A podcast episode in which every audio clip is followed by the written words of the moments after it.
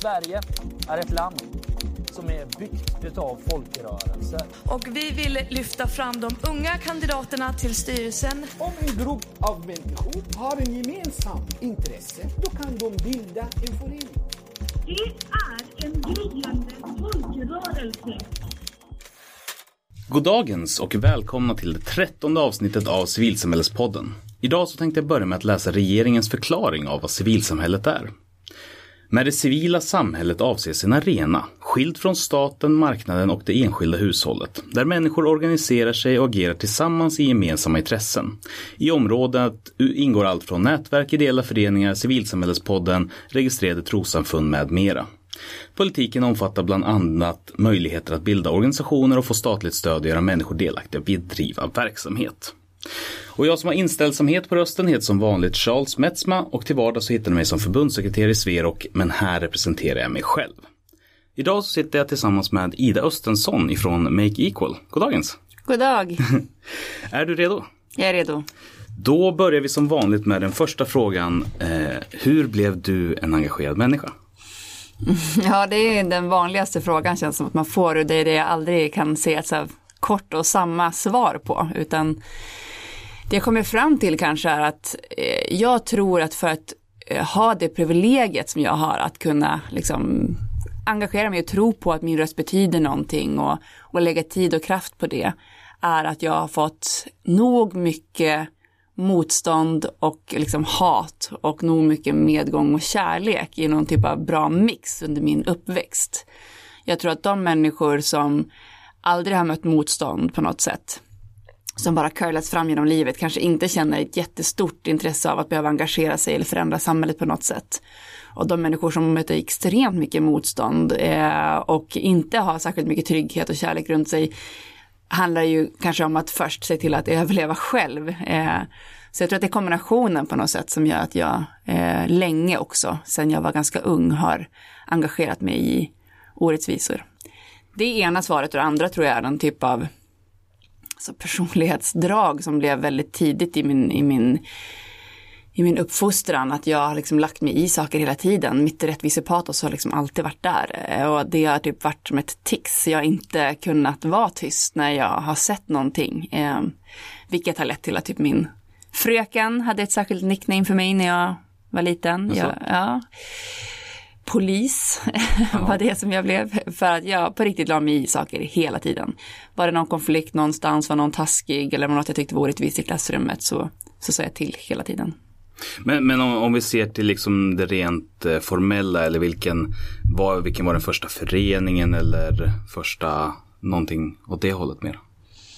Mm, alltså, jag har varit eh, med i föreningar sedan jag var liten för att jag var väldigt aktiv inom både fotboll, innebandy och gymnastik. Så att jag var med i föreningen men då tror inte jag att jag tänkte att det är någon förening utan det var bara min, min idrott. Och samtidigt som det så var jag, har jag alltid varit aktiv i elevrådet och elevrådsrepresentant och sådär. Ehm, men ehm, eh, det tror jag inte heller jag tänkte riktigt var en förening. Eh, men när jag började på ehm, högstadiet så startade jag min första jämställdhetsgrupp på skolan. Eh, som, som, som, en formell förening eller var det bara liksom en Nej, samling? jag tror att det var inte ens en förening. Det var liksom också, det var ganska länge jag höll på så eh, med att starta nätverk och grupper. Men det var ju liksom samma sak egentligen. Man utsedde olika funktioner och alla kunde vara med och det var möten och vi kallade till möten och sådär. Men eh, jag, jag, jag tror jag drog mig till det längsta till att faktiskt liksom skicka in papper på att det var, även när jag var 20 år och hade startat just Skate Girl så var vi ett nätverk i liksom två, tre år innan jag bestämde mig för, för då kom jag i kontakt med Vi Unga eh, och Vuxenskolan och Vi Unga lärde mig jättemycket kring att så här har du bara jätteenkla papper, svara på det här, för i de här sakerna, skicka in så får, får du hjälp med, du får pengar för att ha startat en förening överhuvudtaget, då fick man en startbidrag på några tusen. Eh, så jag tror att jag behövde förstå liksom fördelen med det. Eh, Men det var inte så att du drog dig för, liksom från det aktivt? Jo, jag tror det. Ja. Alltså, jag, är jag, jag har fobi för papper och jag är egentligen inte så här formaliteter och så kommer i andra hand. Jag vill ha eh, liksom action. Så, så jag drog mig ganska länge. Men det var för att det fann, var så enkelt vi unga. Och då startade jag typ 19 föreningar på ett år. alltså då var va? Okej, okay, så jag startade klädbiblioteket och ju Skate Girl och sen startade jag No Limit nationellt och så, ja, men du vet, bara byggde på hur mycket som helst. Men om du då drog dig för, för papper, hur kommer det sig att det blev så många när du väl, eller var det för att det var så enkelt då eller? Ja, jag upptäckte att det var mycket enklare än vad jag trodde. Ja. Eh, och att jag förstod att ska saker och ting överleva utan för att jag ska dra i det så behöver jag hitta någon struktur. Eh, där vi faktiskt skriver ner liksom, i stadgan vad man vill göra och att man gör verksamhetsplaner och att det finns pengar så att folk till och med kan jobba mer och göra det professionellt, att det blir mycket bättre. Så det har liksom successivt vuxit på mig. Mm. Och du nämnde ju skateboard där och det var väl det, liksom det stora som du kom in på om jag inte har helt liksom missförstått utifrån det mm. som jag har sett tidigare. Mm. Ja, eller egentligen så hade jag ju innan jag började skita, för jag var 20, så mm. hade jag varit jätteaktiv i liksom skoldemokrati och elevinflytande innan. Så att jag var ordförande för min gymnasieskolas elevråd och jag startade ett centralt elevråd mellan alla gymnasieskolor och jag gjorde om läroplanen på ungdomsspråk som kommunen bestämde sig för att betala för att trycka upp till alla skolor. Och sen så vart jag handplockad av att bli anställd på kommunen och starta en egen tjänst som hette ungdomsombud. Mm. Där jag skulle vara länk mellan alla ungdomar och Direkt makthavare. efter att du gick ut skolan då? Ja, alltså det var precis eh, efter gymnasiet så ringde jag. kommer ihåg faktiskt att jag var i ett, ett svettigt tält på en festival och fick samtalet så här, vill du börja jobba, starta en egen tjänst, så här, eh, du får välja titel och vad du ska göra typ själv, men vi tycker att du har bra idéer. För då hade jag ju liksom varit och knackat på kommunalrådets dörr x antal gånger och eh, ja, hållit på liksom, mot politiker och tjänstemän. Det var lättare att bara anställa dig så. ja, ha mig inhouse istället. Ja. Så att jag hade liksom hittat ett engagemang eh, via elevrådet på så sätt och börjat engagera mig via det och även var jätteaktiv. Alltså min identitet var ju feminist och det blev det redan på högstadiet. Och jag startade jämställdhetsgrupp och liksom höll på massa med det även på gymnasiet. Mm. Men eh, vad, eh, skateboarden då, vad, vad gled över och vad var det där och? Ehm, det var att jag hade, eh, jag hade hållit på med, med fotboll och med innebandy och med gymnastik. Och det var, jag, hade, det jag ville egentligen hela tiden när jag växte upp, alltså i Holmsund där jag kom ifrån, där skulle tjejerna hålla på med gympa och killarna skulle skate eller spela fotboll. Och jag lirade fotboll. Eh, för att mina brorsor gjorde det. Och jag gick gymnastik för att tjejer skulle det. Eh, men skate hade jag ingen ingång till. Mm. Så det, det, var inte förrän jag var 20 år och jobbade då som ungdomsombud med ett ungdomsråd som arrangerade en stor skatefestival typ. Och jag var med och hjälpte dem med det. Och då testade jag att skata och det hade jag ju drömt om. Liksom ända sedan jag var liten, men hade liksom ingen ingång. Jag var klädd som en skitare. Jag hade mina, mina baggybyxor och mina Osiris-skor och min J-sport-tröja och isbergrygga och Fruit of the Loom hoodie. Alltså jag gick runt och var skataren liksom. Utan skateboard? Jag hade ingen skateboard, så att jag kallades poser. Ja. Ja. Um, ja, så det som hände i alla fall var att jag bara bestämde mig att nu får det vara nog. Jag ska hjälpa alla andra att göra sin grej om man skiter i alla normer och allt som styr runt omkring. Men vad, vad gör jag? Jag hade slutat i fotbollen, slutat i gympan, slutat i innebandyn hade liksom engagemanget som var närmast. Men jag visste att jag behövde ha någonting som jag också fysiskt höll på med. Eh, och det blev, blev skaten, men då var jag ensam tjej. Mm. Och eh, ganska starkt motstånd. Och jag förstod att den liksom brinnet för att få skata för mig själv, men också feminismen, att så här, shit, här är det ju superpatriarkalt och inga tjejer har tillträde till de här rummen. Eh, den kombinationen blev att jag startade ju Skate Girl och började jobba eh, väldigt direkt med att förändra skateboardkulturen eh, samtidigt som jag själv skulle lära mig att skata liksom. Och sen därifrån då så gick det vidare till? Då startade jag No Limit så jag började jobba med det nationellt också. Eh, och eh, efter det startade jag eh, Make Equal som då hette Crossing Borders 2010. Eh, Och Make Equal, det är ju där du är ordförande idag. Ja, exakt. Och vad, eh, om du försöker sammanfatta vad ni gör för någonting. Det är en stiftelse, eller hur? Ja, det är en jämlikhetsstiftelse. Ehm, ja, vi jobbar med lösningsfokuserade jämlikhetsexperter, kallar vi oss. Så vi jobbar med hur man gör jämlikt. Ehm, på vilket sätt verksamheter kan skapa ehm, en verksamhet som tilltalar fler än de man når idag. Så vi finns både, vi jobbar mot offentlig, privat och ideell sektor Eh, med samtliga diskrimineringsgrunder och andra normskav. Men det som är det unika med oss är att vi jobbar väldigt så här, praktiskt och väldigt lösningsfokuserat. Vi brukar säga att vet ni att ni vill jobba jämlikt så visar vi hur. För det var därför jag startade stiftelsen, för att jag var så himla less på att alla visste, alltså vi har kommit så pass långt, man vet att vi bör jobba med jämställdhet, med inkludering, mångfald, jämlikhet. Så vi har en plan för det. Vi har en liten jämställdhetsplan här. Vi har ett eh, ombud, någon som kallas för jämställdhetsombud eller mångfaldsansvarig eller så. Eh, men när jag börjar fråga om så här, men jag menar hur jobbar ni med typ att bygga en trygg gemenskap, att skapa en stabil värdegrund, varför vill ni göra det här, att eliminera och synliggöra hinder, hur marknadsföringen och kommunikationen ser ut, vilka som är förebilder, hur ser rekryteringen ut, vilka samarbetar vi med, alla de där delarna det fanns inte hur man gjorde det praktiskt liksom, i praktiken. Ehm, så att det bestämde jag mig för 2010 att eh, det vill jag starta. Eh, för jag hade ju lärt mig det i skatekulturen. Det gick ju skitlätt när jag började förändra. Från noll till tusentals eh, tjejer som började åka skateboard. Liksom, på grund av att vi testade metoder och liksom, testade hur. Gjorde saker i, i verkligheten. Ja, exakt. Inte bara snackade om, kommer det gå? Utan så här, okej, om vi ändrar alla affischer, det är bara tjejer på alla affischer kopplat till skateboardlokalen. Om vi bara tjejer som är ute och håller i skateworkshops när vi berättar om att man kommer att skata på Ersboda. Hur, hur, vad händer då? Så, ja, men det blev en jättestor skillnad vilka som kom fram och ville testa. Ja, spännande, jättekul att höra.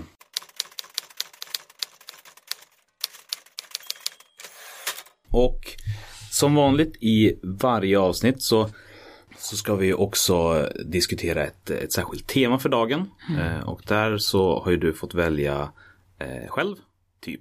Eh, Jag valde lite grann åt dig för att jag ville verkligen prata med det här om, om det här med dig.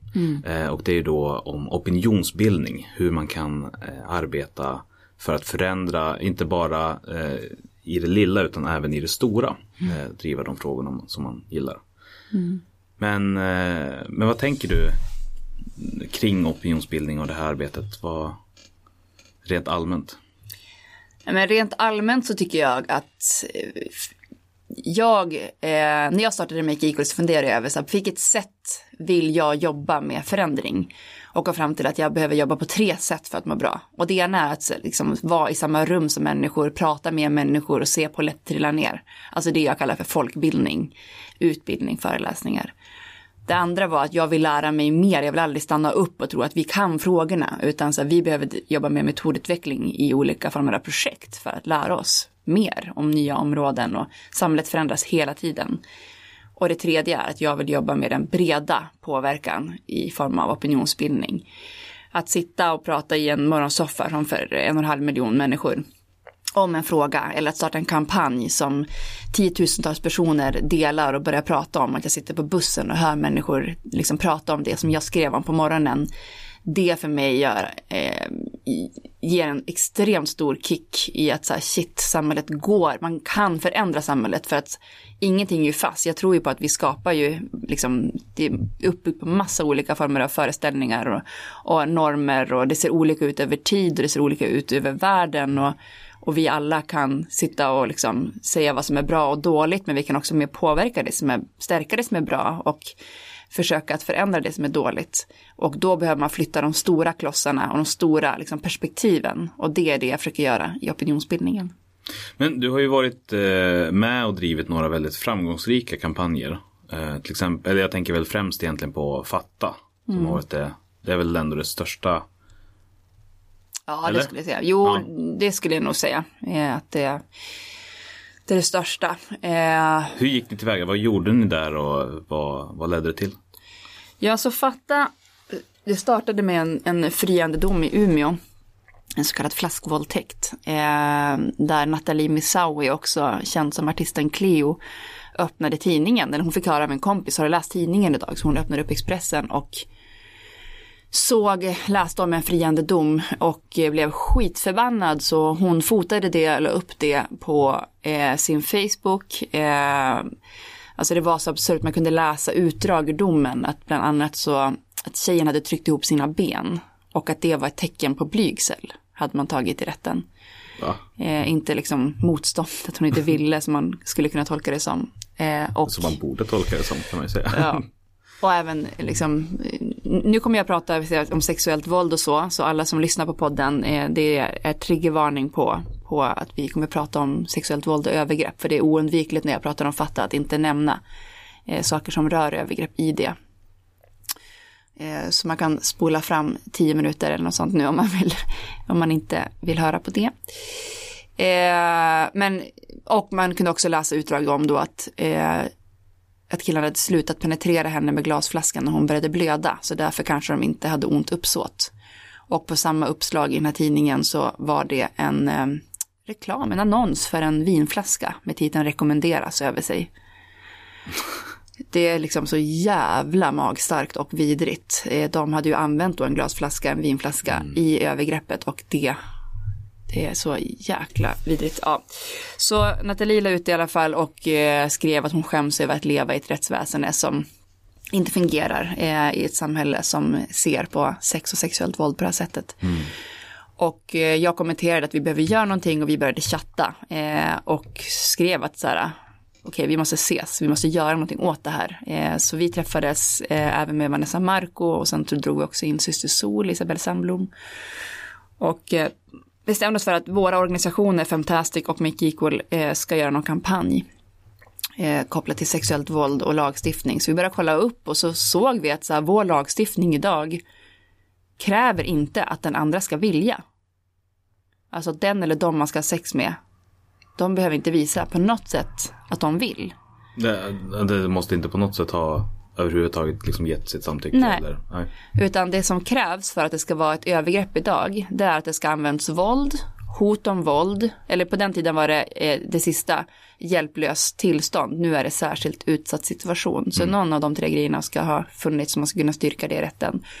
Och Eh, för oss var det helt absurt att våran så här jämställda Sverige och vår lagstiftning om sexualbrott inte krävde samtycke, ömsesidighet, respekt på något sätt. Så vi började kolla upp och såg att det var en professor som hette Madeleine Leijonhufvud, professor emerita i straffrätt, som hade tyckte också det här var helt sjukt och hade skrivit liksom skuggutredningar till regeringen och hade föreslagit något som hon kallade för en samtyckeslag, att lagstiftningen ska basera sig på samtycke och var så här, shit det här är ju skitviktigt, det här ska vi driva vidare. Tog kontakt med henne och läste på och lärde oss mer och eh, gick ut, vi började samla in berättelser. Det första vi gjorde var att vi ville ha in sex, eh, berättelser om sex som inte skett på lika villkor.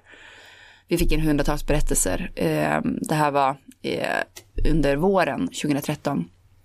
Under hösten 2013, september, så eh, gick vi ut med en debattartikel eh, och en låt som byggde på de här berättelserna vi hade fått in eh, samma dag på en plattform, fatta.nu. Och där ställer vi två krav. Det ena var att eh, vi vill ha en samtyckeslag, en lagstiftning som bygger på samtycke. Och vi vill eh, ha mer resurser till det främjande förebyggande arbetet mot sexualbrott. Med fokus på just destruktiva maskulinitetsnormer, då 97 procent av förövarna är män. Sådana siffror trillar vi över, så 100 våldtäkter om dagen, 36 000 våldtäkter om året. 97 procent av förövarna är män, 95 procent av offren är kvinnor. Enligt anmälningarna alltså. Och eh, ja, så eh, det blev skitstort. Alltså vi släppte det här och vi trodde det skulle vara en kampanj och att det skulle vara liksom våran grej som skulle tillföra debatten någon, någon, någonting liksom. Eh, och helt plötsligt så var det som att vi alla ville vara med oss och alla undrade vad är nästa grej, vad ska vi göra nu, vad händer sen, kan jag vara med? Så från det till att vi idag är 80 000 personer eh, som eh, driver samtycke i lag och praktik och att vi eh, troligtvis kommer nästa år ha en lag som bygger på samtycke och att vi har ändrat helt diskursen och samtalet kring ansvar och, och mäns roll i kampen mot sexuellt våld. Ja. Men, men vad var det ni gjorde då? För att jag menar, någon, det måste finnas några steg däremellan från att släppa en debattartikel och en låt till en rörelse Ja. 80 000 och partiledare som liksom tatuerar in eh, fatta på foten och sådär. Ja, absolut. Det har varit inget liv, inga vänskapsrelationer. Nej, i tre år, blod, svett och tårar och eh, långa nätter. Nej, men det har varit extremt mycket eh, jobb och eh, extremt många människor som har varit med och, och gjort det här eh, möjligt. Liksom. Men, men på vilket sätt har ni då jobbat för att till exempel, ehm, eller om vi börjar den här änden istället. Mm. Eh, hur kommer det sig att ni valde just fatta som, eh, som grej? Ordet, Mm. namnet. Ja. ja, det är väldigt tur att det inte blev det som jag föreslog till kampanjen. Från manstyckeslag till samtyckeslag. Så jäkla dåligt. Ja, jag ser inte att folk skulle tatuera in det. Eh, men, eh, nej, men vi satt och pratade, vi hade med, det var jag och Vanessa och eh, Nathalie som satt och snackade om så, vad ska vi kalla kampanjen då? Och sen så hade vi med eh, Isabelle Sandblom, syster Sol, eh, på Skype tror jag det var. Och då sa hon så här, nej vad fasen alltså vi måste ha någonting som får folk att fatta. Alltså det kan liksom inte vara för långt, det ska vara enkelt och folk måste bara fatta att det är inte okej att man går över någons gräns och politiker måste fatta att en lag måste bygga på samtycke. Ja men fan, någonting som får folk att fatta bara. Och jag var så här, men stopp, där har vi det ju. Du säger ju det hela tiden. Fatta. Och så kan vi koppla på det kommunikativt. Så här, vi måste fatta att sex handlar om samtycke, annars är det inte sex, då ett övergrepp. Vi måste, politikerna måste fatta beslut om en ny lag. Så här. Kanske långsökt, men vi testar det. Liksom. Eh, så att, ja, det, det var där det uppstod med Isabells kloka hjärna. Men vad har varit styrkan? För jag vet ju att du har fortsatt jobba med just det här ett ord eller väldigt korta budskap. Hur, hur Finns det någon särskild tanke kring det just att det ska vara så kort? Ja, men det som jag lärde mig med fatta då var att så här, det behöver inte säga exakt vad det är. Alltså, det behöver inte vara våldtäkt skulle det kunna heta också. Eller liksom samtycke skulle kampanjen kunna heta och så. Men det kan vara ganska bra att ha någonting som, som kommunikativt används i vardagen också. Eh, jag har ett eh, några kompisar som samtidigt, precis innan Fatta startade ett band som hette Värt. Och jag sa värt hela tiden i mitt vardagliga språk. Så att för mig var det så att jag bara, åh, nu nämner jag dem igen. Och så tänkte jag mig Fatta också, att många som pratade bara, helt plötsligt så kom Fatta in i, i samtalet. Det var så här, det första grejen som jag tyckte var lite mäktig. Att så här, folk började tänka på vår organisation hela tiden bara i sitt vardagliga samtal. Men eh, också tror jag att det ska inte vara, alltså det, det, man måste kunna bygga varumärke kring det. Fatta, vi kunde göra merch, snygga smycken och tröjor och vi kunde liksom eh, Folk vill tatuera in det, så det är viktigt också eh, att det går att paketera och kommunicera på ett så här snyggt sätt. Det har jag lärt mig med Fatta. Eh, att Och varför är det så viktigt då? Men för att folk vill kunna bära det eh, på sig. Eh, som jag sa, jag tror inte att Jonas Sjöstedt hade tatuerat in från ett manstyckeslag till en samtyckeslag. Det, är- det är för långt och det är för krångligt och det är inte snyggt helt enkelt. Eh, och det kan man tycka vad man vill om. Ska man hålla på och liksom popularisera och, och liksom sta, göra marknadsföringskit. Liksom. Men för oss så har det varit skitviktigt att folk har velat börja fatta smyckena. Att gå runt och bara så här, okej, det var en, en person som berättade om när hon hade våran fatta på sig med, det är en fitta med två händer runt som liksom skyddar fittan och så står det fatta ovanför. Eh, och fittan underifrån liksom eh, med klittan och blygdläpparna och allting liksom. Och då så var det en man, hon hade den i knät, så hon hade liksom fittan precis framför sin fitta men tänkte inte på det liksom. Nej. Så var det en man som till slut sa bara men vad är det jag ska fatta? Du fläker upp den här fittan i mitt face, vad ska jag fatta? Liksom. Ja. Och då började de eh, prata om samtycke och sexuellt våld och hon fick liksom med hela vagnen att prata om att så här, va, sker det hundra våldtäkter om dagen och vad menar du vad kommer jag åt det och liksom bygger inte lagen på samtycke. Så hon fick föra politik och samtal om samtycke på tunnelbanan för att hon hade påsen på sig. Så vi har ju liksom ja, tusentals ambassadörer där ute som kan prata för vår sak. Och det har jag ju tagit in och, och liksom Make Equal har ju också gått från att Crossing Borders till Make Equal lättare att göra på riktigt alltså. Vi har också kan, vi har halsband och man kan göra påsar och klockor och allt möjligt för att få folk att bli bärare av våra budskap i vardagen. Vi kommer ha halsband, vi kommer ha kläder, vi kommer ha påsar och så vidare. Back in the days har man jobbat mycket inom civilsamhället med pins. jag tror att vi kommer mer och mer, det var typ Ung Cancer som tog steget vidare och började göra liksom pärla, pärlade armband. Eh, ja, jag vet att folk har gjort, tryckt massa olika saker, muggar och allt möjligt. Jag menar inte att de var först med något annat än, än pins, men att få det till att bli en del av verksamheten, en viktig, viktig, viktig del, som både är en intäktskälla som gör att man inte bara är beroende av bidrag. Eh, Johanna N smycken, vi har ju fått in över 600 000 till Fatta. Eh, vilket gör liksom att vi kan ha personal anställd att jobba med det. Liksom, Via hennes smycken. Men när det gäller den där biten av att då få andra att vara ambassadörer för det man vill. Vad är viktigt att tänka på för att, för att möjliggöra för andra att vara den typen av ambassadör? Men att öppna upp eh, för att kunna vara det på sitt sätt. Alltså Fatta har bestämt tidigt att vi ska vara i så många rum som möjligt. Så till exempel när en skatare kontaktade mig, jag skulle vilja göra Fatta Skate-kampanj och göra någonting inom skateboardkulturen, typ 100 skateboardåkare som, som taggar sin bräda med Fatta nu och att vi liksom skickar ut 10 tips hur du kan agera mot sexism och sexuellt våld i vardagen och att vi liksom får med skatekulturen. Och jag var så här, kör, kör, kör, vi stöttar, vi går ut i våra kanaler, ös, gör det eller dansarna som hörde av sig, vi vill göra Fatta dans, samla in berättelser om sexuellt våld i danskulturen och göra en föreställning för att vissa tar till sig via det. Fan, kör, vi är med, vi, vi promotar, vi gör det vi kan kring det. Eh, ja, musiken och hiphopen och liksom rappen hade vi med oss och reggaen via de som grundade Fatta tillsammans med mig. Så liksom vi hade jättemånga artister som hörde av sig och ville göra mer musik och spoken word och när vi, vi hade liksom klubbar och fester jättemycket i början. Vi har fortfarande det, eh, inte lika intensivt men, men att folk liksom kombinerat så okej okay, men då får ni tolka de här berättelserna av sexuellt våld i en spoken word och så vi bjuder in konstnärer, spoken word-artister och musiker och allt möjligt. Hitta liksom så många sätt som möjligt för människor att engagera sig. Fatta söndag körde vi. Då hade vi under hashtag fatta söndag, fick man göra vad fasen man ville. Om man ville göra liksom graffa, om man ville pärla, om man ville dansa, om man ville whatever. Så kunde man under den hashtaggen lägga upp något så tävlade vi ut saker varje söndag till våra följare. Som på något sätt synliggjorde fatta i sina kanaler. Eh, och många som liksom kände att vi hade en inbjudande rörelse, eller som känner fortfarande. Eh, som så, helt plötsligt hade hela liksom graffvärlden var med. Det var Fatta var all over.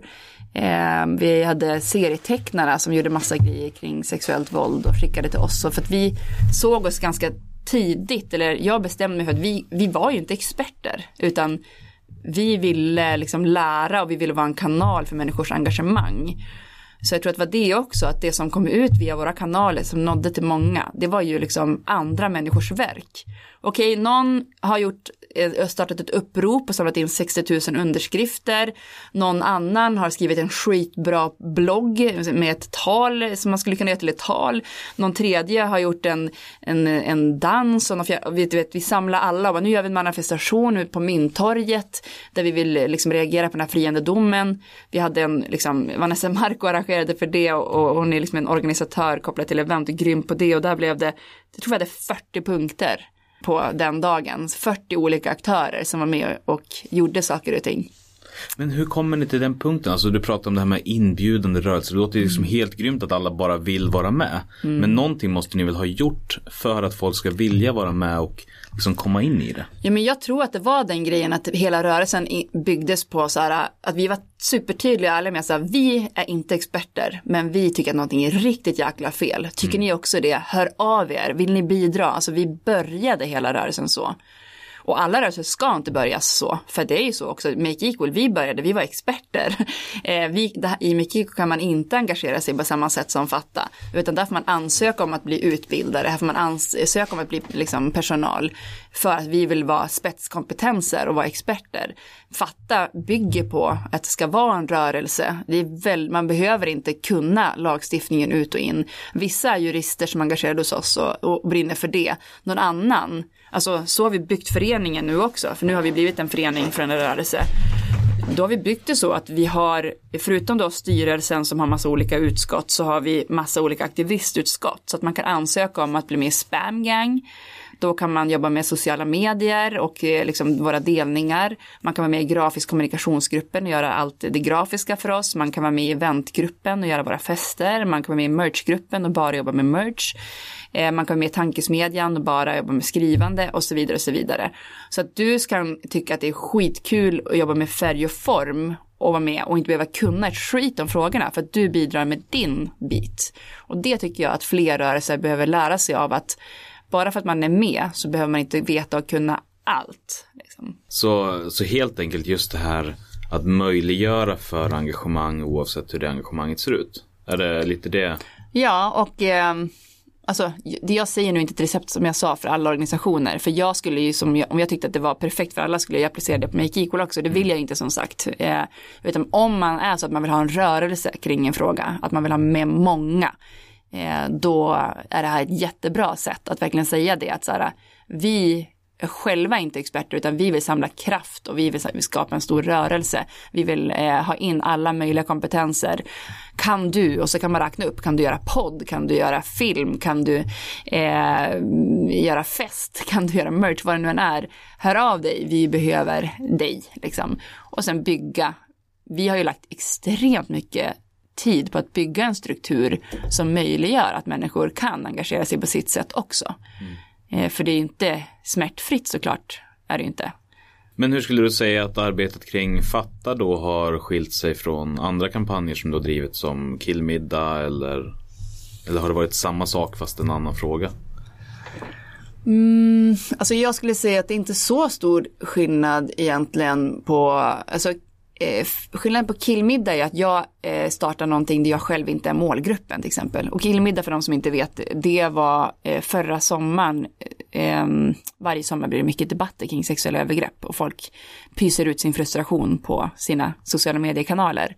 Och jag som kände den frustrationen varje dag året om och vet att det är inte mer eh, under Bråvalla än vad det är en vanlig mm, daskig dag i februari. Eh, ville ju kanalisera den där frustrationen. Så jag gick ut och sa, nu ser jag att ni känner jättemycket ilska och frustration. Eh, och jag vet också att som framförallt för snubbarna riktade jag mig till för att jag eh, ville fånga upp det engagemanget. För att tjejer känner oftast frustration året om, men killar känner, känner frustration under festivalvåldtäkterna typ. Eh, när det Och- blev medialt. Ja, när det är medialt. Och då sa jag det att så här, men jag fattar också att det är för jävligt att vara snubbe i dagens samhälle. Alltså var femte man saknar en nära vän. Att män blir utsatt för och står för majoriteten av både det sexuella våldet, eller utsätter majoriteten av det sexuella våldet och står för och utsätts för majoritet av det fysiska våldet. Att män är överrepresenterade i liksom självmord, i missbruk, på massa olika saker. Och Eh, nu när ni ser allt det här med övergreppen som sker och ni funderar hur, vad ni ska göra, så här, men jag vet vad ni kan göra. Ni kan bjuda in andra snubbar och börja prata. Eh, det vi säger är för att göra i alla tider. För att det som drabbar er, det drabbar även andra i förlängningen. Så, så la vi upp killmiddag.se eh, eh, någon dag efter jag hade lagt ut det där första meddelandet som spreds jättestort. Och det blev samma sak där, det blev jätteviralt, tiotusentals delningar, liksom en statusuppdatering som vi gjorde på först privat och sen på Make Equal. Och sen så la vi upp en sida någon dag senare med samtalsguiderna från Fataman som vi har tagit fram och eh, eh, det som var grejen var att det var lätt för människor att kunna själv göra det, att kunna vara med. Så det poppade ju upp killmiddagar överallt, så killar kunde prata om sex, om vänskap, om porr, om makt, om våld och så vidare.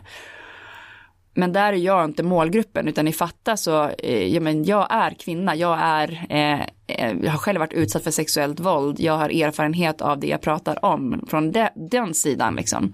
Medan i killmiddag så eh, var det en uppmaning till andra, så jag kan inte driva vidare killmiddag på så sätt att jag är ute, jag är inte de som, den som ska stå och hålla föreläsningar på festivaler eh, och sen ska män snacka, utan det är killar som måste ta det vidare. Och det är verkligen killar som har tagit det vidare. Eh, jag skulle vilja att ännu fler gjorde det. Eh, men det är liksom, jag tror att killmiddag är bara i starten. Eh, det kommer bli så mycket, mycket större. Jag tänker att alla festivaler nu till sommaren, de kommer behöva göra någonting för att ta tag i problematiken kring liksom, hur de jobbar mot sexuellt våld. Och det, det går inte att bara lösa det med som form, alltså säkerhetsaspekten. Mer polis, mer kamera, mer stängsel, lättare att anmäla. Det går inte bara att ha det, utan man måste också göra med tryggheten. Och det tryggaste jag kan veta är att det finns forum för män att ta ansvar och prata och att man måste börja jobba långsiktigt. Så jag tror att, eh, och vi har planer på hur vi ska kunna jobba vidare ännu mer med, med, med killmiddag. Men det är som sagt, både Fatta hade vi noll kronor när vi startade eh, och har fått bygga upp liksom, kapital för att kunna driva det på det sätt vi gör. Killmiddag var också bara en reaktion, en, en statusuppdatering som blev stort som vi har noll kronor till. Liksom. Så att, eh, ja, det kommer bli ännu större framöver. Men, men eh, hur, hur mycket skulle du säga att den plattform som du har byggt upp hittills liksom har påverkan? Eller hade det, det är väl åter på något sätt liksom just det här vem som kan göra saker själv? Jag tror inte att man ska förminska att jag, eh, både jag och Vanessa och Nathalie och Isabelle hade relativt stora plattformar av våra organisationer också när vi startade Fatta. Eh, men jag har också sett eh, människor som inte har det. Ta Linnea Claesson nu, Assholes Online, alltså en person som startar ett Instagramkonto där hon hänger ut eh, snubbar som skickar liksom dickpics och liknande till sig. Liksom. Eh, hon hade ju ingen jättestor plattform innan hon startade det och det är många initiativ som startar så av att det är en person som bara har en jäkligt bra idé som sprids. Så jag tror inte att man behöver ha liksom en, sen är det lättare när man väl har en stor plattform att få ut budskap. Mm. Men där tycker jag att ta hjälp av de som har stora plattformar. Men, men någonting som jag också tycker låter genomgående är att uh, ligga lite rätt i tiden på något sätt. Ja. Det känns som att ni, alla grejer som du har gjort har knutits upp på någon ja. annan större händelse. Och jag har ju typ 20 saker till som jag tycker ska göras och kampanjidéer och liksom saker som verkligen behöver in i samtalsdebatten. Där jag bara väntar på att det ska vara rätt tid. Mm. Eh, för att det handlar jättemycket om timing. Alltså killmiddag, hade inte det varit precis när det var jättemycket debatt på sommarfestivalen, alltså hade jag gått ut med det den här daskiga dagen i februari, hade inte det någon jäkel delat det, utan mm. det var just för att det puttrade en frustration och folk hittade en out, mm. ett sätt att kanalisera det och fatta. Det var liksom en rad av friande, eh, ganska absurda friande övergrepp som eh, liksom kom en efter en efter en precis när vi startade. Vilket också gav liksom den frustrationen som folk kände hittade vi, liksom kanaliserade vi via en, en lösningsfokuserad rörelse. Så det är mycket det som är min röda tråd, att allt jag gör ska fokusera på lösningar, att hitta sätt för människor att faktiskt få med och känna att man bidrar till förändring och inte bara klagar på saker. Mm. Mm, så att det är rätt, med, med både Fatta och Killmiddag och andra liknande satsningar som har lyckats bra så har det varit liksom rätt tid, rätt tilltal eh, och att folk har känt att det också varit rätt lösning. Liksom, en Vad tänker du när du säger rätt tilltal? Att man måste prata på ett inkluderande sätt. Eh, det kan lätt bli rätt teoretiskt och högtravande när man jobbat länge med de här frågorna. Jag får hela tiden kämpa med att skala ner min mitt snack. Liksom. Eh, att hitta sätt som gör att så här, eh, folk känner igen sig. Och eh, alltså, så här, eh, killmiddag, jag, jag, skulle egentligen skriva en debattartikel den dagen och jag hade varit suttit i alla olika Aktuellt och soffor och skrivit hundra debattartiklar senaste veckan innan det. Så den dagen när de frågade, kan du skriva en debattartikel även, då hade Bråvalla eh, våldtäkterna släppts liksom. Så, nej, jag orkar inte det, sa jag då. Och sen så skulle jag iväg till Almedalen dagen efter och jag var helt slut och jag skulle liksom förbereda en seminarium. Jag kände att jag behöver skriva någonting. Folk förväntar sig att jag ska uttala mig om det här. Så jag skrev den där killmiddagsstatusen på typ fem minuter på min Facebook. Och det var liksom det som den eh, liksom, autenticiteten och att det var lite felstavningar, att det var lite affekt, att det var lite en mix av att det var personligt liksom som gjorde att det fick spridning. Sen så skrev jag om den väldigt mycket bättre och professionellt och gjorde en del eh, debattartikel på Metro av den, fick inte alls lika mycket spridning. Mm. Eh, och så är det typ alltid, när jag har så lite batteri på mobilen, när jag så stressskriver någon uppdatering och trycker send, liksom, då vad den sprids. Liksom. Eh, för människor vill känna att det finns en, en autenticitet och att det inte är överarbetat. Alltså just den äktheten, är den Ja, och det tycker jag är svårt. Alltså nu, när, jag, när vi har mycket resurser och mycket tid till saker och ting. Eh, vi jobbar ju tillsammans med, med dig och med Sverok med en ny satsning nu som ska jobba eh, mot näthat och för en inkluderande nätkultur. Och vi får liksom hitta så här, okej okay, vi ska inte överarbeta det här nu, vi får bara stanna här, paus, så här, vad är det vi egentligen, vad var det vi ville göra i början, eh, för att det, ja, det går också lätt att överarbeta saker som gör att folk inte känner att det blir rätt tilltal utan att det blir vad folk förväntas säga mer än vad folk känner och tycker och tänker. Mm. Det är spännande det där. Men du nämnde också Almedalen och där har du ju gjort några liksom, mer kortare insatser som har varit uppmärksammade också. Ja, exakt. Ehm, och där har vi jobbat med byråer kopplat till kampanjer. Det blir på lite annat sätt då. Ehm, de, där har det liksom varit kampanjer som har nått ut till 80 miljoner i media reach globalt och eh, har varit skituppskattat och årets snackis, årets Almedaling och allt vad det är liksom priser hit och dit kring det liksom. Spinngala och Guldägget och bla bla bla. Och, eh, men då fick jag höra innan, först gjorde vi, eh, vi, vi ville, alltså Almedalen, alla vill höras. Mm. Alla vill lyfta sin fråga och vi vill lyfta jämställdheten. Liksom. Vilka röster är det som får höras på Almedalen och i övriga samhället i övriga tider av året? Och tillsammans med Deportivo så gav vi dem den utmaningen och de sa så här, ska vi inte använda Twitter då? Eh, för det var liksom Twitter hade sin peak då och alla på Almedalen, alla politiker, alla partier använde Twitter och så. Ska vi inte se om man kan mäta jämställdheten på Twitter?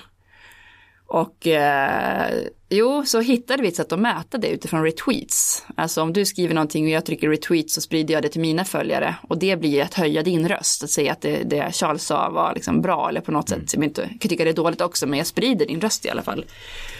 Och då kunde vi mäta hur många eh, utifrån, om man tar en binär uppdelning av kön och SCBs databas och US Census databas på namn, eh, kan, kunde man se hur många män respektive kvinnor, alltså namnsko mans och kvinnokodade namn man retweetade. Eh, och då kunde vi se att ah, okej, okay, Barack Obama retweetar 98% män. Det kunde bli en global nyhet, att så här, de jobbar skithårt med hans PR och hur han ska twittra och kommunicera. Men de tänkte inte på att han bara retweetar män, typ. Eh, så när vi släppte det där så blev det liksom ett test per, man kunde säga TweetQ, man kunde gå in och skriva vem som helst på den sidan och så Eh, kom det upp då. Så att eh, man kunde testa alla videor, så här, vilka partier mer eller minst jämställda på Twitter och så vidare. Men när jag väl fick sitta i morgonsoffor och när jag fick sitta och prata i media kring de här sakerna så gick jag ju ganska snabbt från Twitter, som ändå är världens största pågående samtal, eh, men ändå prata om så här, vilka, hur ser det ut här på Almedalen i panelen, vilka röster är det som får höras, vilka är det som lyfts, hur ser det ut kring middagsbordet hemma, vem är det jag säger, ja men som Göran sa, liksom, att lyfta hans röst istället för att Anna precis sa det innan till exempel. Men hur reagerar folk eh, generellt på det då om man eh, har liksom gjort någonting stort som blir uppmärksammat men som mm. bara är en chimär för att liksom komma åt det man egentligen vill prata om? Nej men det, folk är lättlurade. Nej men det är ingen alls som har ifrågasatt det. Eh, utan vi tyckte också att det var viktigt att synliggöra Twitter. Det var bara ett verktyg för att få prata jämställdhet. Och så funkar de flesta kampanjer. Oftast är det inte kampanjen i sig. Det är inte hashtaggen fatta nu som är det viktiga. Utan det är innehållet. Och samma sak var det med TweetQ. Att vi ville prata om vilka röster får höras. Året efter så gjorde vi, följde vi det spåret men pratade om åldersmaktsordningen. Att så här, Almedalen ska vara Sveriges största demokratiska samtal som formar morgondagens politik. Eh, men vi pratar bara om unga och aldrig med unga.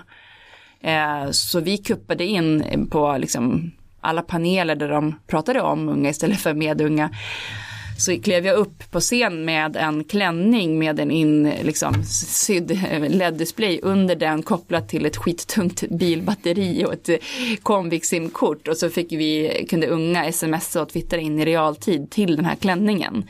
Eh, så när de pratade om varför får unga inte tillgång till kultur eller sådär och satt någon gubbe och gumma och liksom hittade på vad de trodde att det var. Så kunde unga twittra in i realtid och jag ställde mig på scenen, publiken kunde se vad unga egentligen tyckte om varför de inte fick tillgång till det här. Vilket gjorde att gumman och gubben fick vara tyst och kolla och lyssna på klänningen. Och där var det inte heller så att vi tyckte att alla, att lösningen är att alla ska ha en klänning på Almedalen som unga ska twittra till. Utan det var ju att synliggöra prata eh, liksom med istället för om målgrupper. Framförallt också då unga som vi lyfter. Det där är lite kul också för att eh, för några avsnitt sedan, eller ganska många avsnitt sedan när det här kommer ut, mm. så uh, pratade jag med Amalia Berglöf från Fler Unga. Ja. Och... Ja, och det kom ju efter det här och, så, och då har ju de varit på Almedalen med fler unga och många liknande initiativ. Vi erbjuder också unga, nu har vi gått ut så här, här har vi unga ni kan boka till era paneler så ingen ska kunna säga att det fanns inga liksom. Utan det finns massa unga som vill sitta och liksom prata utifrån sin kompetens att vara just ung och vara bäst på det liksom. Ehm, så ja, det känns som att vi har skapat mycket debatt som, som också fler tar vidare, vilket jag tycker är supergrymt. Och att det också blev liksom en global snackis för att vara en innovativ lösning, den första talande klänningen i världen. Liksom. Och att vi jobbat mycket så, att det ska vara liksom den första budskapsklänningen eller första eh, jämställdhetstestet på Twitter. Och det gör också nyheter, så man måste tänka på något sätt angående opinion, så här, hur, vad är det som blir nyheten? Jo, men det var för många sätt den tekniska lösningen. Men den tekniska lösningen, att det var den första budskapsklänningen i världen, gör att jag får prata om vad är budskapet då? Men hur skulle du säga, om man nu sitter och planerar och funderar på en kampanj så här, eller någonting som man vill förändra. Eh, hur mycket ska man tänka på eh, vad man skulle kunna kalla ytan, det här flashiga som fångar uppmärksamheten och hur mycket på djupet och innehållet av, av det man faktiskt vill åt sen i slutändan. Och finns det inte djup och innehåll, om jag sa tweak ut Twitterklänningen, alltså de, jag är jättestolt över båda de kampanjerna, men där fanns det inte det här grundläggande exakt så här alltså som fatta, det som fanns i den kraften eller killmiddag, alltså mäns engagemang, det är någonting som fungerar varje dag året om tills jag dör kommer jag vilja driva det. Att prata om vilka röster hörs och inte på Twitter, eh, den kampanjen funkade där den veckan. Det är inte som att alla känner varje dag att så här, nu ska jag se hur Barack Obama retweetar, liksom. Så att då får man tänka att man kan ha olika syften. Där var syftet att så här, den här veckan sätta fokus på det och sen ta vidare det på olika sätt, som till exempel att fler unga tar det vidare. Det vi lyfter med Twitterklänningen. Så att vissa, man kan ha olika syften till olika saker. Vissa saker kan vara en, en snabb, snabb kampanj som skapar stor effekt kortsiktigt. Men det jag brinner för mest är ju de här långsiktiga kampanjerna som blir rörelser och som gör att människor känner att det här vill jag ägna fan varenda timme resten av mitt liv till att engagera mig i. Och då behöver det finnas djup. Då, liksom, då, behöver, då spelar det inte jättestor roll förpackningen för att alltså jag tänker på Ung Cancer som eh, liksom när de kom upp var ju jättebra kommunikativa och liksom både på Almedalen men i övrigt alla kampanjer och allt som de gjorde. Och det är ju också på grund av frågan, alltså att alla känner någon som har drabbats av cancer och att det känns, känns i alla människor. Och samma sak handlar om övergrepp, våldtäkt. Alla känner någon som blivit utsatt eller har blivit det själv. Så att vissa frågor kommer ju också ha lättare att engagera människor. Alltså att prata om lösningsfokuserat jämlikhetsarbete som vi gör i Make Equal, det övergripande. Jag har ju haft panik över så här många gånger, så, men gud, hur kan, varför kan inte Make Equal komma ut på samma sätt? Alltså det är Make Equal som står bakom Fatta, som står bakom Fatta Man, som står bakom Killmiddag, som står bakom TweakQ och Twitterklänning och flickaplattformen och Make Equal Music, Make Equal Stories, Make Equal Projects. Alltså jag kan hålla på i oändlighet. Eh, men det är inte meningen för att Make Equal är inte en kampanj. Det är en stabil expertorganisation som ska föda jättemånga nya rörelser och kampanjer. Liksom. Eh, så att allt behöver heller inte kommuniceras och allt behöver inte liksom populariseras och paketeras och, och marknadsföras. Eh, för jag tror att det är lätt också att man fastnar i det. Varför har vi bara så här få följare där? Eller, eh, det kommer inte vara lika lätt att nå ut med allt. Så. Men, men någonting som ändå känns väldigt eh, talande eller så här genomgående för det du berättar om är ju ändå att det hela tiden har funnits ett väldigt så här nerarbetat och väldigt konkret, alltså en mening med vad det är vi vill uppnå eller vad det är det här handlar om. Alltså att det hela tiden är väldigt lätt att förklara. Ja, det är det viktigaste, att hitta ett bra namn och hitta en bra tagline. Det är eh, liksom, ska man ut med någonting, någon kampanj, ha ett budskap, så att alla kan säga det, att det ska in hela tiden på olika sätt. Så alla saker leder tillbaks till det. Det är verkligen fatta mot sexuellt våld och för samtycke i lag och praktik. Skärpning mot näthat och för en inkluderande nätkultur. Alltså någonstans så det ska vara lätt för media att återberätta, det ska vara lätt för andra att återberätta. Men jag tänker också att utifrån det vi pratar om det här med att andra vill engagera sig så känns det också som en, en, en förutsättning att jag först förstår så att jag sen kan ta ställning till det. För att det som jag inte förstår det går jag inte vidare med. Förlåt, en gång till. Vad menar du? Nej men alltså om jag som vanlig, vem som helst, en vanlis, eh, ser den här kampanjen så måste jag på ett enkelt och snabbt sätt förstå vad det handlar om så att jag sen kan bestämma mig för är det här någonting jag vill veta Ja. mer om, är det här någonting jag bara vill förkasta för att om jag inte förstår det då kommer jag ju gå vidare utan att reflektera över det. Ja. Det var så jag tänkte. Ja. Ja, men jag säger ja på det. Nej men så är det ju. Alltså hitta enkla sätt att bestämma sig för, är det här en, vi säger att vi tar i sociala medier och delningar, för det är ofta så vi jobbar för att skapa engagemang och kampanjer. Är det här en gilla-delning? Är det här en dela-delning? Alltså att andra ska dela den. Är det här en kommentera-delning? Eh, på vilket sätt är att fundera innan, vad är det här för delning, vad är det vi vill ska ske av att vi går ut med det här nu. Så man inte bara delar för delandets skull. Är det här eh, att vi vill att folk ska kontakta oss och säga att de vill vara med, eller här, att vi vill informera eh, och så vidare. Det där tycker jag också, jag lyssnade på Seher Yilmaz från eh, Rättvisförmedlingen som pratade just om det där att de i varje inlägg liksom förklarar varför det inlägget är skrivet och vad det vill uppnå. Och Ja men faktiskt de där tre, det har jag lärt mig av en eh, Soraya hade föreläsning på Rättis. Alltså gilla, dela, kommentera. Det var de sa till mig, här, eller till oss på föreläsningen. Det var de som lärde mig det också. Ja. Tänk på det eh, innan du delar. Vad är den till för liksom? Och det har hjälpt mig jättemycket. Finns det någonting kring, eh, kring att bilda opinion eller driva kampanjer eller sånt här som jag inte frågar om som du ändå tänker är viktigt att berätta om? Och det finns ju hur mycket som helst att prata om. Jag vet inte vad jag ska. Nej men någonting som jag tycker är svårt. Skulle jag vilja prata om. Och eh, det är. Eh, vi har jobbat och jobbar jättemycket med förebilder. Men mm, om man jobbar med förebilder eh, som till exempel eh, delar någonting eh, eller säger jag står bakom den här organisationen eller den här kampanjen eller så. Eh, så kom, kan många avkräva en sen att så här, vad fan jobbar du med den här, den har gjort det och det och det. Alltså ingen person är ju clean, ingen person har gått genom livet utan att göra tabbar eller inte kommer göra tabbar. Ehm, och det tycker jag är en fråga vi måste prata mer om inom civilsamhället eller samhället överlag. Vad ska man kunna avkräva eh, verksamheter eh, för ansvar för förebilders handlingar i dåtid, i framtid eller nutid? För i sådana fall kommer vi inte kunna jobba med ambassadörer och förebilder om eh, man ska ansvara för allt som de personerna står för. Alltså vi till och med med Fatta så skrev vi in så att så här, Eh, ja men Ekis var jätteomdebatterad eh, utifrån saker som hon hade uttryckt sig transfobiskt. Och eh, ska vi aldrig någonsin kunna dela någonting som Ekis har sagt då eh, för att vi tar avstånd helt från henne eh, som person? Eh, eller inte. Alltså om hon skriver någonting som är jätteviktigt eh, kopplat till samtyckeslagen eh, som verkligen skulle tillföra debatten någonting, ska vi då inte dela det? För att hon eh, har gjort ett transfobt uttalande för x antal år sedan? Är vi ansvariga, vi står vi bakom hennes transfoba uttalande om vi delar någonting hon har sagt nu som vi tycker är jätteviktigt för samtalet? Så ambassadörskap och förebilder är någonting som jag inte har löst hur man ska kunna jobba med än. Ehm, Nej, det är knepigt och det känns ju allmänt som att just eh, det är väldigt antingen eller på många sätt när det kommer till personer. Alltså antingen så är du rätt eller så är du fel. Eh, och då i förhållande till den kontext som du, om du gör ett uttalande för Make Equal till exempel, då kommer det att vara rätt eller fel i den kontexten. Liksom baserat så mycket på vad du har gjort tidigare. Ja, och för resten av vårt liv. Alltså, vi gjorde ju en sån statistikmiss med Fatta när vi, ja men som sagt, var icke-experter och precis hade startat.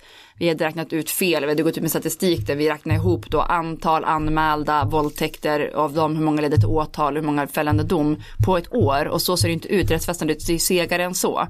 Eh, så vi hade misstolkat hur man kunde räkna eh, den statistiken och eh, gick ut med det och fick ju eh, liksom skäll och bannor eh, från människor som kunde det och vi sa, bad om ursäkt och drog tillbaks bilden och bad alla sluta dela den och skrev en ursäkt att så här, det här var ingenting vi gjorde medvetet och vi ber om ursäkt att vi gjorde fel. Ehm, och nu bara senast för någon dag sedan så var det någon eh, killpodd-humorsnubbe som eh, har gjort ett helt liksom, podd in, ja, en hel podd om mig som en ljugande idiot för att jag har gått ut och försökt lura alla att så där ser det ut i Sverige idag. Liksom. Eh, och då låg den statistiken ute i typ en eller två dagar. Och det är också intressant så här, när vi har nätet, när allting sparas som man någonsin har gjort. Alltså det går att vrida och vända på alla håll och kanter. Allt jag säger här kan folk klippa ur och göra sin egen tolkning av eh, i sin egen kontext.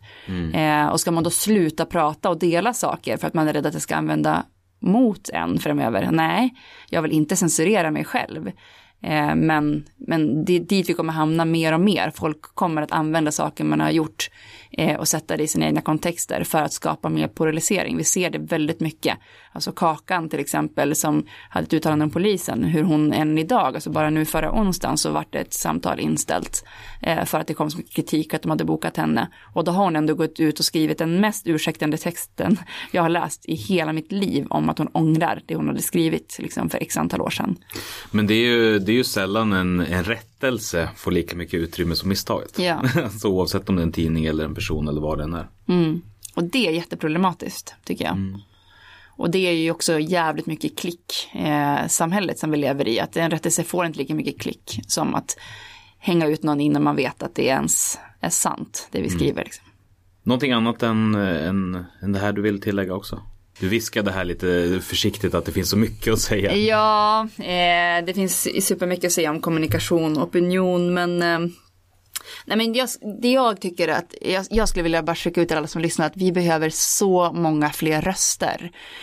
Folk, alltså det är nästan som att jag känner att folk tror att man vill vara en röst för saker och ting. Så är det oftast inte, utan alla vi som har blivit offentliga röster för, för olika saker som till exempel sexuellt våld, maskulinitetsnormer eller vad det nu än är, hot och hat. Eh, Vi tycker att det är så skönt när nya röster kommer upp och peppar andra och lyfter liksom alla som vill ta det utrymmet för att det är jäkligt påfrestande att, eh, att stå i skottgluggen.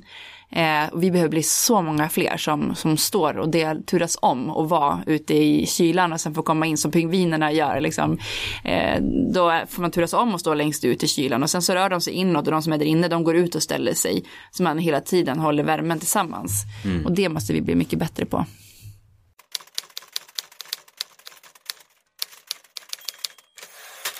Avslutningsvis så skulle jag vilja be dig, precis som alla andra som har gästat podden, att berätta om någonting som du har gjort riktigt bra, som du är förbannat stolt över. Någonting som du känner liksom att, men det här jävlar vad jag var duktig. Och sen också någonting som, ja, men, som gick åt helvete, eller ett misslyckande av något slag och vad du lärde dig utav detsamma. Och du väljer själv i vilken ordning du berättar om dem. Men misstag, jag skulle kunna säga statistikmissen som jag troligtvis kommer få liksom leva med resten av mitt liv oavsett att eh, liksom vi, det var inte en person, det var en organisation. Jag skulle kunna prata hur mycket som helst om liksom, den delen, eh, vad som gick fel och att vi direkt bad om ursäkt och rättade oss och sådär. Men jag, det skulle vara ett lätt svar. Jag tror att mer det jag eh, miss och det jag ångrar är att jag har eh, gått in för personligt i vissa saker som har eh, liksom eh, varit så nära på att knäcka mig. Att, att försöka förhålla mig när man jobbar med saker professionellt, att inte låta människor komma innanför ens skinn, utan att verkligen så här, jag vill inte bli en känslokall person, men jag vill heller inte låta människor som inte förtjänar att jag ska känna massa saker få mig att känna saker. Att, att fortsätta lära mig att, eh, att hålla, eh, att se kampen professionell på vissa ställen eh, där jag har låtit det komma under min hud på ett annat sätt. Att förstå eh, att vissa människor kommer inte vilja en väl, även om man har trott det. Liksom. Och vad har, du- vad har du förändrat liksom rent, vad har det gjort för skillnad med dig, den här insikten? Men att eh, inte gå in i saker, utan så här, okej, men det där får stå för den. Och det jag skulle kunna göra är att sätta mig och skriva ett, liksom ett 20-sidors mejl och förklara eller dra in hela min organisation och berätta hur jag känner och varför det blivit som det blivit. Som bara, nej, jag backar ur det här och sen kanske någon, och också så här, vi är en organisation, någon annan får ta det samarbetet, någon annan får ta de samtalen. Eh, jag behöver inte eh, gå in i det, utan jag kan jobba, för, jag ska förändra världen, jag kan inte låta en person ta för mycket av min tid då. Så. Hur, hur gör du den avvägningen då när det är någonting som är värt att gå in i och när du backar undan? Eller har du någon, har du någon mall eller går det på känsla? Ja, men när det blir för personligt, när jag känner för mycket, liksom, eh, när det inte handlar om en fråga, jag kan vara arg och frustrerad över en struktur eller en fråga eller så, men om det är en person som kan få mig att bli superfrustrerad så ska inte jag agera på det. Då ska någon annan skriva ett debattsvar eller någon annan ska gå på det mötet eller så. Så har jag hanterat det personligt just nu. Eh, men det är svårt, de här frågorna blir personliga, liksom, för att det handlar också om ens eget liv på många sätt. Ja, så det är det misstaget som jag håller på att lära mig av hela tiden, eh, ja. som är, tycker jag är min stora utmaning just nu.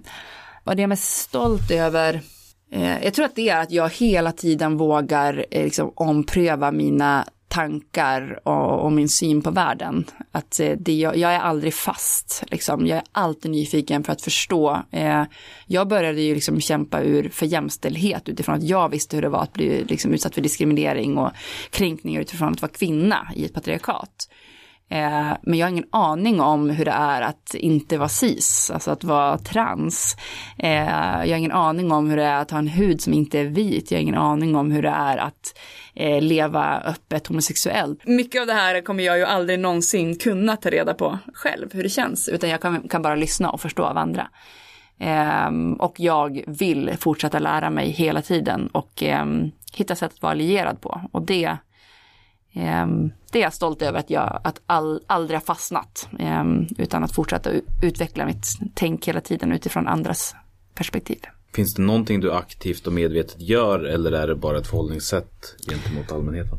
men aktivt så försöker jag omge mig med människor som inte är lik mig. Att vara i rum där jag inte är norm, där jag inte är trygg. Alltså att vara, känna mig otrygg i sammanhang. Eh, men också organisatoriskt i Make Equal, att vi skapar projekt där vi kan lära oss det kring alla de här sakerna. Liksom. Nu driver vi Make Equal Stories, där vi samlar in berättelser om exkludering och diskriminering på olika sätt, som, alltså där man får läsa de mest fruktansvärda saker som jag absolut aldrig hade kunnat förstå. Eh, och där vi arrangerar liksom, samtal och paneler med människor som har helt andra upplevelser och erfarenheter än vad, vad jag har. Jag tycker det där låter jättefantastiskt och jag, jag försöker själv också leva efter just det där att hela tiden söka efter eh, nya perspektiv. Jag tycker att det är ett väldigt, ett väldigt spännande sätt och ödmjukande att inse att man har fel eh, med liksom jämna mm, mellanrum. Verkligen. Jag tycker det, tycker det är ganska kul. Ja, gud, alltså när jag, när jag ser tillbaka på liksom hur jag pratade om de här frågorna 2010 när jag startade stiftelsen så så skäms jag ju nästan. Men det handlade inte om att jag var knäpp i huvudet utan det handlade också om att samhället var något helt annat och rörelsen och kampen och vilka kunskaper och förståelser vi hade var något helt, någon helt annan. Liksom. Så det, jag, jag tycker inte man ska skämmas men man ska fortsätta och känna så här shit vad spännande att jag tänker annorlunda om det här nu. Mm. Alltså jag har ju gått jättemycket från att jobba sjukt mycket med så här vi tjejer kan och liksom stärka tjejer och det ska fortsätta göras liksom. Men jag har ju senaste fyra, fem åren eh, börjar förstå mer och mer och nu börjar aktivt agera på det också. Jag med så, jo men hur är det att vara snubbe då i ett patriarkat och kommer vi någonsin kunna skapa ett jämställt och jämlikt samhälle om inte 50% av befolkningen är med och gör det och att det, där måste vi också synliggöra att det kanske inte alltid är så jäkla soft att vara kille eh, med all de statistik jag drog tidigare. Eh, och hur jobbar man med det då? Eh, hur jobbar man både med att förändra normen men också våga se att normen har issues som vi måste synliggöra. Och, jag menar att helt enkelt se att världen är mer mångfacetterad än, mm. bara det av eller på eller svart eller vitt. Ja, exakt. Då vill jag rikta ett jättestort tack till dig Ida för att jag fick komma och hälsa på er hos er. Eh, och jag vill också tacka dig som har lyssnat. Och du som lyssnar på varje avsnitt vet ju vad som gäller. Så du kan ju liksom zona ut lite grann nu. Men till dig som är ny så vill jag då säga att det går bra att använda Facebook-sidan som heter Civilsamhällespodden för att diskutera dagens avsnitt. Och på hemsidan civilsamhallespodden.se finns det ett formulär som du kan fylla i om du skulle vilja vara med i podden. Hör av dig så hörs vi om två veckor igen. Och återigen jättestort tack till dig Ida som var med och delade med dig. Tack att jag fick komma. Sverige är ett land som är byggt utav folkrörelser. Och vi vill lyfta fram de unga kandidaterna till styrelsen. Om en grupp av människor har en gemensam intresse, då kan de bilda en förening. Det är en gryende folkrörelse